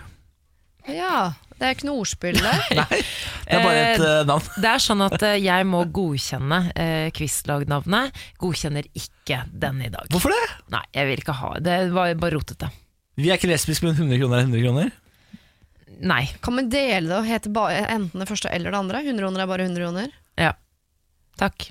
for eksempel. Ja, men da, ja Greia er jo at uh, Samantha hadde saksa en annen kvinne for 100 kroner. Ja, men, Nettopp. Det er derfor vi Nei, nei Niklas. Okay. Ikke i dag. Ikke nei, dag. Nei, nei. Ikke i dag. Dere, uh, jeg har tre altså. fine spørsmål til dere. Mhm. Uh, første spørsmål lyder som følger. Hvor mye veier en nyfødt blåhval? Nei, jeg hater sånne spørsmål. Er så dårlig på Det er helt umulig å vite. Altså, de er jo enorme, disse blåhvalene. Det er det eneste jeg vet. Ja. For det er den store hvalen, det. Hvithval, blå Altså, jeg, jeg er så dårlig på dyr. Det er forferdelig. Moby Dick lette etter hvithval.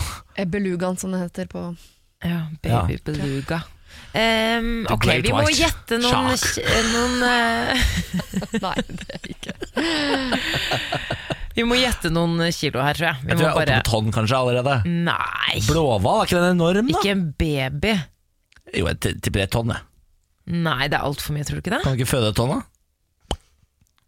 Er det lyden som Jeg tror Nei, er ikke det litt mye? Hvor mye er et tonn?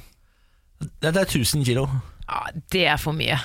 Det, Et halvt tonn, da. En baby? Jeg vet ikke, men en baby? Ja, men hvis, si eh, si eh, en, blå, en voksen Jeg blåhval hadde er tenkt å si sånn 100 kilo eller ja, men Si en voksen blåhval er liksom 10 semitrallere. Da er det ikke så rart om den føder én semitraller. Ja, men Veier den så mye, da? fødesemitrailer Det er lyd fra tissen. Jeg har, har ikke. Jeg skulle si sånn 200 kilo, to, ok, 200 kilo. 200 kilo. Og her er det 200 slingringsmonn. Her, her er det litt pluss-minus, så må være litt greie med oss i Her skal dere få rimelig mye slingringsmonn okay. på akkurat det spørsmålet der. Ja. Det. ja, Det, ja, ikke sant, for det var et tonn. Eh, jeg har eh, bilde av en buka blåhval på veggen hjemme hos meg. Der står det en voksen mann ved siden av eh, bare en liten del av tarmsystemet til hvalen, som ligger utover kaia oppe i nord. Det er svære greier. Ja, Men da, men du skulle sagt det før vi svarte det, Siri. Selvfølgelig kunne jeg ikke gjøre det. Da hadde jeg jo ledd i riktig ti, retning. ti semitrailere, sa jeg som føder én trailer. Ja, jeg okay, tror det er greit. mer i retning av noe Ok, Da svarer vi et Et tonn. tonn. 200 kilo svarte dere. Hvilken blomst har sitt navn etter det persiske ordet for turban? Det, Er rosa? hvorfor det? Å ja, fordi det ligner litt på en uh, Ja. ja, ja, det kan godt være. Det er utrolig rasistisk å si. Nei da. Jeg er den eneste utlendingen her, så jeg har lov til å være litt eh, smårasistisk. Ehm, det var et men det er bare overfor meksikanere. Det er sånn, jeg har, Nei, eh, nei, det syns jeg ikke. Har jeg Generelt lov. Du kan være rasistisk overfor eh, folk fra Finland, Island Kan jeg? Ja, ja, ja. Fordi han er Jeg ble? Poteter, som vi kalte det på ungdomsskolen. Ja, hvite amerikanere er verste jeg vet. Vi ha- for vi hadde utrolig mye vietnamesere i klassen, så de, vi kalte de gulringene, og de kalte oss for poteter poteter. Potet, det er nesten litt søtt, da. Vi hadde mange fra Jugoslavia i klassen min. men De eh, ble kalt for yoghurter. Yoghurt? Men, du, men eh, kan du si eh, Kan du ta spørsmålet en gang til, vær så snill? Hvilken blomst har sitt navn etter det persiske ordet for turban? Men hvis vi skal gå for sånn, sånn ordrett, så er det jo eh, Altså tur, eh, tulipan. Det er jo i hvert fall mer likt ordet. Ja, men det persiske ordet for eh, turban Ja, ja. Det persiske ordet, hva, hva heter det på persisk? Eneste jeg kan på persisk er eh, Jeg liker å knulle gutter, som uh, Aylar Ali sa i pornofilmen sin på persisk. Og da Du- sier man. Nei. Da kan vi holde oss unna sex, eh, rase og andre typer ting når vi snakker om blomster. Ja, ok. Tusen takk. Turban. Nei, roser, mener jeg. Ja, jeg vil, jeg vil si tu, tulipan. Ok, da sier vi tulipan. tulipan. Yes. Hva er en falabella? Falabella, som jeg ville sagt da. Sier du det ofte? Falabella? Oftere og oftere, Grunn. Nei, men du må gi oss, Her må du kanskje gi oss uh, Quizmaster Lars pleier å gi oss et lite hint når det er noe sånn helt ute. Når vi, Gjør han det? Ja. Nei, det ordet falabella har jeg aldri sagt. Kommer antageligvis ikke til å si heller i mitt liv. Er det hintet? Eh, produktet som ligger bak, er ikke et produkt, men eh, gjenstanden, tingen, vesenet, planeten osv. er ikke noe jeg er opptatt av. Er det et annet hint? Litt redd for, faktisk. Aldri. Redd det er dyr eller noe sånt, kanskje? Ja, men er, Er det en bakterie? Falabella? Jeg har fått uh, smittsom falabella. Sykdom. Nei, er det det? Jeg, jeg, det, det er så vanskelig. Altså, jeg vet ikke hva Ah, det jeg har fått falabella-syndrom. Ja. Er det sopp? Kanskje, ja. Sopp. Sopp? Vi svarer sopp, vi. Sopp. At det er en sopp? Ja. Falabella-soppen. I- Men en kroppssopp, ikke en spisesopp? Ja. ja. Sopp er sopp. Sopp er sopp. er sopp, sa hun. Eh, ok, dere. Hvor mye veier en nyfødt blåhval? Der svarte dere 200 kilo. Jeg tror vi svarte et tonn. Var vel et tonn, ja. Ja, svaret tonn, da. Det er uansett feil, eh, for eh, svaret er to til tre tonn. Ai, ai, ai. Ja, du var nærmere, Niklas. Jeg eh, beklager. Men du hadde ikke svart riktig, du heller. Jeg tror en voksen blåhval sitt uh, hjerte eller sånn veier to tonn. Så Ja. altså, vi er der. Sant. Vi er ja, det er Å, enormt. hjelp. Eh, hvilken blomst har sitt navn etter det persiske ordet for eh, turban? Eller, eh, ja, det er jo da tulipan. Det er turban! Ja, det er faktisk det. Very good, very good. Very Veldig good. bra, Ligner jo ikke på Samantha. tu- Tusen takk. turban, riktignok. Hva sier du? Turban, tulipan. Ja, Jeg men- kunne sagt det sånn. Marsipan. Alle disse ordene. Ja, men det ligner ikke sånn formmessig på en uh, turban. Nei, der var det mer Jeg syns riktig med rosa. turbanen er likere tulipanen enn rosa. Syns du det? Ja. Så et lite turban, En egentlig? lukket eh, tulipan går Ja. jo opp eh, som en eh, Ja, er turban. sant, det. rosa går jo eh, ut. Ja, det er sant, det. Ja. Når du sier det på den måten, Siri. Ja. En uh, falabella Ja. er en hest. Ah, Sier du det, ja? På italiensk? Nei, det aner jeg ikke. Det er bare Falabella min er måte å hest, lese Type, på. ja, ok. Det lurer jeg faktisk på om jeg har hørt en gang i tiden. Kan Liten være er en ponni. falabella. Men du, Hva, det er ponni? Niklas, selv om ikke vi alltid svarer riktig, så blir vi faktisk klokere. Ja, men jeg har glemt dette i morgen, så jeg har liksom ikke noe å si. Men eh, tusen takk for quiz, uh, Siri Kristiansen. Det setter vi veldig pris på. Christiansen. Morgen på Radio 1. Hverdager fra seks. Skal vi snakke litt om eh, Peter Madsen, dere. Den danske oppfinneren som eh, fant opp sin egen ubåt, sjøsatte den, og senere drepte en eh, dansk journalist. Svensk Det vet vi ikke.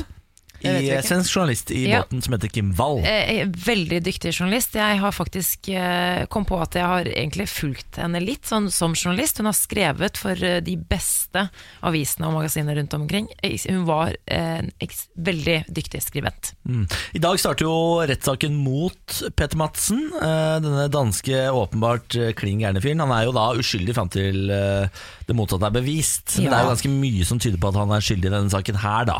Ja. Eh, Den 10. august 2017 så gikk altså den eh, svenske journalisten Kim Wall om bord i ubåten til Petter Madsen. Hun kom aldri hjem fra båtturen. Hvorfor gjorde hun det?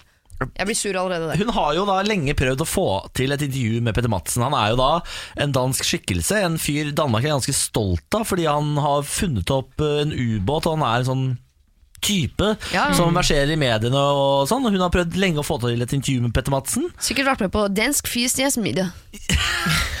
Tipper det. Come dine with me, gjetter jeg på den heter der borte.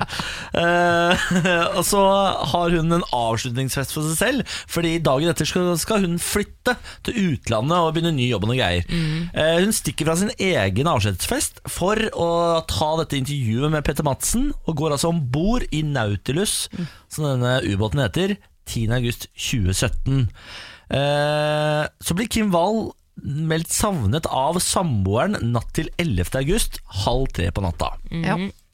Så starter jo da selvfølgelig politiet søk etter uh, ubåten, hvor de antar at Kim Wall er om bord. Og så kommer jo da denne nyheten om at uh, ubåten har forlist. Petter Madsen blir reddet opp av noen frivillige og blir forhørt om Wall. Dykkere blir sendt ned i ubåten, men der er det jo ingen Kim Wall. Nei. Og Petter Madsen hevder jo da at han har satt av Kim Wall. Du fant vel heller ikke noen spor etter at det hadde vært noe uh, uh, ulovlig virksomhet der nede? Nei. Eh, og så begynner det jo noen ting her og, altså, Forklaringen til Petter Madsen henger ikke helt sammen, fordi han skylder på en ballasttank som eh, var ødelagt, og at han ikke fikk skalka lukene. Og så sank Nautilus, og han hadde satt av Kim Wall senere på kvelden. Eh, ting her begynner jo da å øh, slå sprekker, og så får, man tvil om han klarer å arrestere Petter Madsen i løgn. Og da endrer han hele forklaringen sin og sier jo at Kim Wall ble drept av denne luka til Eh, ubåten. Lokket, på en måte. Som hun fikk i hodet og døde av det, da. Ja. Og da begynner det jo å lukte fishy Man innrømmer at hun er død før de det hele tatt flyter i land noen kroppsdeler, ikke sant?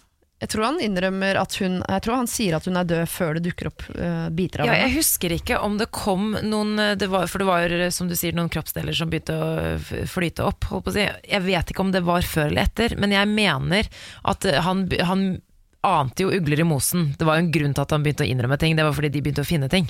Ja. Og jeg husker jo det intervjuet med Peter Madsen da han kom opp, for jeg hadde akkurat eh, begynt i nyhetsavdelingen her på huset, så det var en av de første nyhetssakene som kom, faktisk, i begynnelsen av august der. Jeg husker så godt det intervjuet med Peter Madsen. Helt nonsjalant. Helt sånn, eh, Hadde bare vært på en tur og litt, eh, hatt litt uflaks, men han var liksom for avslappet til at ubåten hans eh, hadde sunket. Altså, En oppfinner eh, passer jo godt på tingene sine, og han var så lite stressa for at det hadde skjedd noe med ubåten hans. Han Ja. var så avslappa. Han kom i sånn jumpsuit med sånne varmegreier. varmegreier. Er det lov å trekke paralleller her til din floating-opplevelse, eh, Niklas? Hvor eh, avslappet og rolig man blir sånn eh, under vann på en eller annen måte. Kanskje Han har, vært, han har jo vært noen dager nede i den ubåten og venta på å bli redda. Kanskje han bare kom helt i zen? Rett og slett vært Tross på at han antagelig har partert et menneske noen dager i forveien. De gjorde jo eh, noen beslag hjemme hos eh, denne oppfinneren Peter Madsen, og på datamaskinen så fant de jo da videoer som viser seksuell, seksualisert tortur og drap av kvinner. Eh, Petter Madsen har jo da på dette tidspunktet her eh, sagt at han ga henne en begravelse til sjøs, men nekter for å ha partert liket. Dette er da etter at han sier at hun har fått denne lemmen i hodet og døde av det. Etter dette igjen, altså 14. oktober, dette var 21. august, forklarer han dette. 14. oktober endrer han forklaring igjen og sier at hun døde av det han trodde var kullosforgiftning, og fikk panikk og parterte henne, og så kastet han delene i sjøen. Hvorfor skal hun dø av kullosforgiftning nede i denne ubåten, og ikke han? Er, er han inhabi... Eller altså, hva heter? Han immun mot kullos? Eller Ja. Ja, det Jeg det er så rart å si. Ah, ja, det var så mye kullos der nede at hun døde. Til meg gikk det helt bra med. til å være åpenbart veldig smart, da. smart nok til å lage en ubåt, så er han jo ikke så god eh, til å finne opp eh, forklaringer. Nei, altså Hvorfor skal du partere et lik? Hvis du er så stressa, hvis hun har blitt, fått forgiftninger, ring politiet. da Hvorfor må du partere liket? Det er jo et uh, Der er en, eh, en teori. Altså, jeg er helt enig at han er veldig smart, men ikke så kreativ. Han kalte ubåten sin for Nautilus, som sikkert åtte av ti ubåter i verden heter. Men eh, eh, jeg tipper han ikke har klart å bære kroppen hennes opp og ut av ubåten, så han må ha frakte ut i mindre deler. Et lik er ganske oh, ja, tungt. sånn, ja. Ja, Ikke sant? Det er tungt å bære et menneske, og spesielt et dødt menneske, for Ja. det er så mye motstand i det. det er veldig sant. Nettopp. I dag starter altså rettssaken mot uh, oppfinneren Peter Madsen, så får vi vente og se hva vi får ut av dette. Det, uh, jeg hørte podkasten til NRK i går, de har laget en podkast om uh, drapet, hvor hun Emma Claire, som, har, som er journalisten i podkasten, leser rettsdokumentene om hvordan politiet tror han har torturert Kim Wall, og da kaster hun opp. Så jeg tror eh, denne saken er ganske grusom. Eh, Mer grusom enn jeg har fått inntrykk av fram til nå, i hvert fall. Og dette er visstnok noe han har planlagt en stund, for ikke bare de videoene som du nevnte, som de fant hjemme hos han, så har han lagd sånn Han har jo prøvd å få med seg andre damer i ubåten, og det har vært noen andre historier med noen ekskjærester og sånn, så det her har vært Det her har han tenkt på en stund, tror jeg. Han var visst ganske eksperimentell med denne eh, eh, kjæresten han hadde også, Ja. i forhold til litt sånn morbide tanker innenfor eh, seksualisert eh, sier du det? Ja, da. Dette var nok planlagt, dessverre. Her har folk snudd seg fort i, i svingene. Altså, for jeg, jeg har allerede sett en dokumentar på TV om dette, her, og det Mm. fins en podkast. Altså, det eh, Det jobbes. liker jeg så vidt kaldt. For Ja. Bare hele True crime vet du, vokser og vokser. vokser. Ja. Eh, Du kan eh, fòre så mye du orker og vil på denne saken på nrk.no ved podkasten deres. Og så vil det komme sikkert grusomme detaljer fremover. Vi skal nå følge denne saken, vi. Eh, Den starter altså i dag, 8. mars, på den internasjonale kvinnedagen. Morgen på Radio 1. Hverdager fra 6. Samantha Skogran, god morgen. God morgen! Siri Kristiansen, god morgen. Det var dagens første gjesp. Ja, Ja, ja, ja, ja, ja, sånn er det. Eh, vi skal inn i en helt ny spalte. Vi har jo en sånn eh, jeg vil si gossip lover eh, in our mixed. Eh, hun eh, heter Samantha Skogran. Selina Gomez. Jeg holdt på å si Selena Gomez igjen. Samantha Skogran er vår sladderstjerne. Derfor har hun fått sin egen spalte som heter Sladder med Samantha. Oh yes. Ja, sladder er ufint, dere. Må bare påpeke det, men det er veldig gøy likevel. Jeg tenkte jeg skulle dra dere gjennom eh, ukas sladder.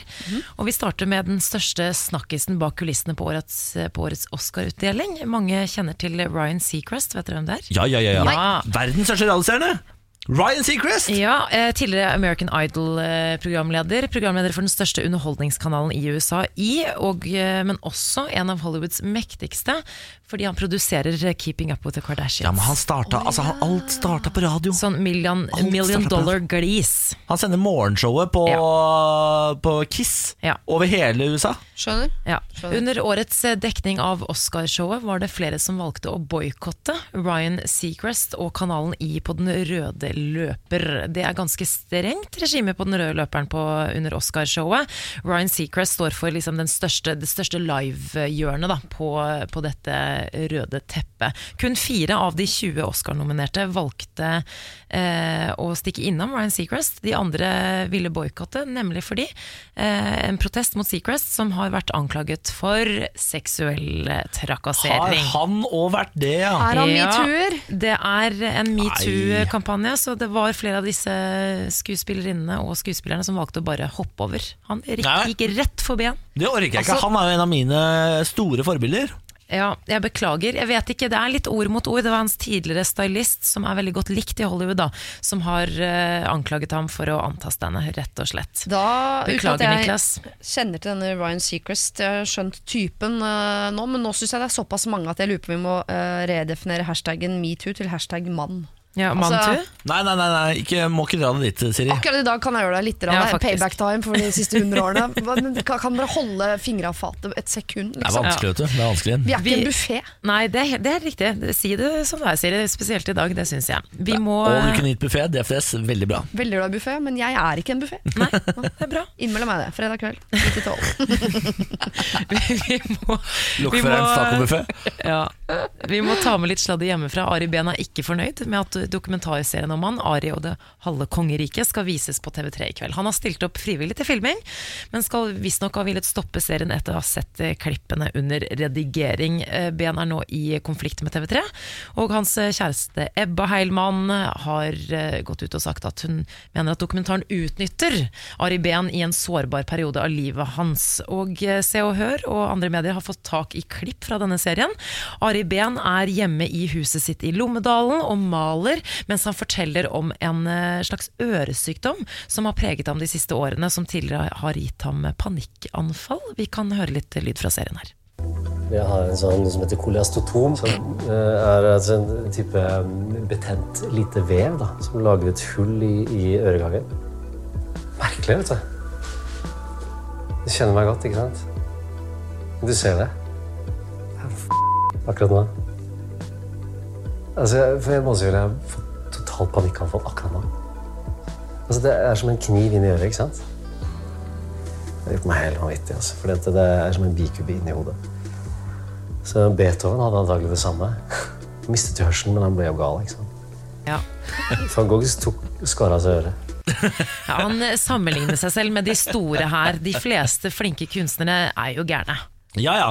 Men ja, altså men flinke kunst Altså, å male en påfuglfjær på en keramikkvase altså, Det er ikke Beethoven verdig, det greiene der. Altså. Altså, Ari Behn, Jeg er jo mossing, og Ari Behn er mossing. Jeg kommer til å kjempe for Ari Behn med nebb og klør. Han er Norges van Gogh.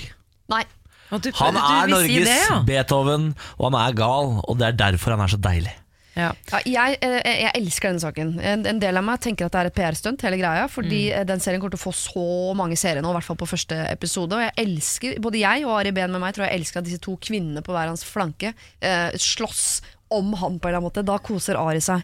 Men det jeg syns er fascinerende, Hvem er den andre han kvinnen? Altså kjæresten og eh, programskaperen ikke sant? Ja, ja, står ja, jo ja. slåss på hver sin kant. De er gamle venner, Ari Behn og dokumentarskaperen. Ja, hun har kjent han i syv år, og Mm. når hun begynte med dette prosjektet, så var ikke, altså, var ikke denne kvinnen inne i Aris liv i det hele tatt. Så hun har kommet nå etterpå og surna på hans vegne. Mm. Men uh, det jeg liker, er at han har ikke hatt noe problemer med serien før han så klippene. Jeg tenker sånn, men er det, er det er vi her vitne til at Ari Behn for første gang har sett seg selv utenfra. Ja. Altså på TV. Og tenkt sånn er. Herregud, jeg er jo helt idiot! Dere kan ikke vise dette her. Vi har jo sett det lenge, men han har aldri sett det, for han har vært inni sitt eget hode.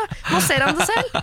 Levende på TV. Det der Da kan jo ikke jeg- vises, og jeg er helt enig, men det burde du ha skjønt før, Ari. Men det er ikke meningen å slakte Ari Behn, men Ari, da burde du se det klippet hvor du snakker engelsk også, Fordi han er ikke så god i engelsk heller. Altså, hva er det, Det du sier for noe? Har ikke han bodd i London i årevis, da? Men, men jeg, jeg vil faktisk s- være den som støtter Ari litt. At uh, når han ikke vil at den serien skal vises, den handler om han, da må han få lov til å ha noe å si. At de kjører den. Det er litt hardt, men uh, ja, jeg skal se på i hvert fall. Jeg håper de kjører denne, for jeg, al- jeg har lyst til å se alt om Ari Behn. Jeg skal kjøre sakte forbi den trafikkulykken der, det er det ikke noe tvil om. Alt jeg har lyst til i livet, er å Halv bli ni, venn halv ni, TV3. I dag? Ja. Oh, shit. Alt jeg har lyst til i livet, er å bli venn med Ari Behn, faktisk. Det hadde jeg, jeg tror livet mitt hadde blitt 100% bedre av å bli venn med Ari Behn. Kanskje det. Åh, tenkte jeg det. Det er dødelig du, ass. Bårli og Ben. Dette er morgen på Radio 1. Siri Kristiansen er her, god morgen. God morgen! Samantha Skogran er her, god morgen. God morgen. Og mitt navn er Niklas Baarli. Jeg ønsker deg, kjære lytter, velkommen til Baarlis lydrebus. Det er ganske enkelt dette her. Jeg skal lage tre lyder med min kjeft. Og så kan du der hjemme sitte og lure på hvilken nyhetssak er det vi skal fram til. Det kommer nemlig også Samantha og Siri til å lure på, for de skal sammen finne fram til hvilken nyhetssak jeg eh, rebuserer ut av min munn. Jeg har skapt det ordet nå. Rebuserer. Ja. Rebuserer. Er vi klare? Ja. Lyd numero uno. Ja. Ja, ja, ja. Ja. Det var eh, lyd én. ja. Lyd nummer to.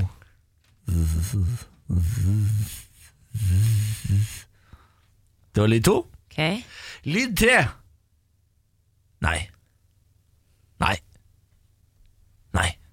Det er ikke lyder, Det var det er jo øh, ja, men dette er, dialog. Det er rebus, og da kan man ha eh, man, Det kan være hva altså, Så lenge det er lydbasert, Ja. så kan det være hva som helst. Det er godkjent. Ja. Var det Ja. de tre vi fikk? Det var det. Ja, det da er er det bare å begynne å jobbe. Tydelig noen som først sier ja, så sier de nei, etter at øh, noen bare har sagt øh, visvas, liksom. Så man snur seg etter vinden uten å i det hele tatt øh, Skjønner du hva jeg mener? Ja, ja, sånn, ja, ja, det mener jeg. Så ja, ja, ja, så er det en som kommer med motargument som bare er piss. Nei, og da mener man nei, nei, nei. nei, nei, nei. Ja, men den, den uh, z-en i midten der, eh, det er ikke noe Det kan jo være at det ikke er et argument og prat, og det kan jo være at det er et eller annet. Slange. Slangeparadis. En snake. Og du er veldig symbolsk du, Siri, når du analyserer det. Kanskje bra, det. Men zzz, det er jo slangelyd. Er det noe med dyr? S? Er det et dyr? Mm, Nei, det er ikke dyr. Stortinget? Det er ikke Stortinget. Nei. Det er ikke dyr, det er uh. Syns du selv at lyden er god? Ja, jeg altså, minner godt om den originale lyden som du skal Absolutt. fram Du, til? ko- du kommer til å Etterpå kommer du til å tenke at den lyden er den, kanskje den mest uh, fortellende. Okay. Har du en tilleggslyd i dag? Uh, jeg kan prøve å tydeliggjøre de lydene jeg allerede har gitt dere. Okay. For ja har vi oppfattet, og nei har vi oppfattet. Så hvis du skal si det tydeligere, så er det helt unødvendig. la, oss gå, la oss gå gjennom en gang til. Ja. Z. Nei! Løgndetektortest. Er det en løgndetektortest? Nei. Er det Eh. eh, elektrosjokk? Nei. Det er, Er en det- nyhetssak vi har snakket om i dag. Sier Å, er det, det er ikke Peter Madsen? Det er ikke Peter Madsen. Uff a meg. Å, Det det er var ikke enda Peter Madsen at det ikke var zzz, det Peter høres ut som en støt, Nei, men liksom. tenk mer sånn. Å, det er Ari Behn! Ja! Lyden av Ari Behn! Ari, Veldig bra, Ari som sa ja til å være med i dokumentarfilm, og, Ja, og så så sa han nei etterpå. Og han har jo ekstremt stemte s-er, denne Ari Ben da. Det han. Og der har z, z. Mm. En annen ja, mossing. En, fra en mossing til en annen. Er det en uh, sosiolekt i Moss? Det er S jeg har aldri møtt en annen mossing med tilsvarende Nei, eh, det er, essing. det er bare Ari Behn. er bare Ari Behn, ja, det er bare Ari Behn. Ja. Det er helt særegent for han. Eivind Hellstrøm har heller ikke den stemte S-en. Ikke jeg heller. Så hvis du kommer til Moss, ikke legg om til stemt S. Det trenger du ikke for å liksom fitte inn. Siri, nå var du god. Ja, det var veldig god. Takk. Veldig bra, Siri. Tusen takk. Ternekast seks for den innsatsen her, altså. Morgen på Radio 1. Hverdager fra seks. Det var det, og det var det vi hadde, så vi takker for oppmerksomheten. Var ikke det gøy, ja? Det var Det var det. veldig gøy. Favorittøyeblikk i dag, Niklas, på kvinnedagen? Eh, det var vel kanskje når vi mellom eh, slaga, altså mens musikken gikk, så så vi på talen fra Ari Behn til Moods of Norway. Oi, oi, oi, oi, oi, oi. En engelsktalende Ari Behn. Ja, Det er mitt favoritthøydepunkt i løpet av dagen i dag. Det var, eh, altså For deg som ikke har sett det og hørt det, gå på internett, søk opp Ari Behn, Moods of Norway. Og bare kos deg. Er du i dårlig humør noen gang, gå inn og se Ari Behns tale til Moods of Norway. Eller hvis du vurderer å bytte statsborgerskap, eller er misfornøyd med å ikke ha fått norsk statsborgerskap etter mange år i landet, så kan også dette være en trøst. Absolutt. Vi gir oss nå. Eh, Siri, det var utrolig hyggelig å ha deg på besøk. Elsker å være Du er tilbake på torsdag, du. Ja. Veldig bra. Ha det. Ha det. Tenk deg at du skader kneet på en alpetur med jentene. En all you can eat strudelbuffé hjelper litt. If hjelper mye. Velkommen til If forsikring.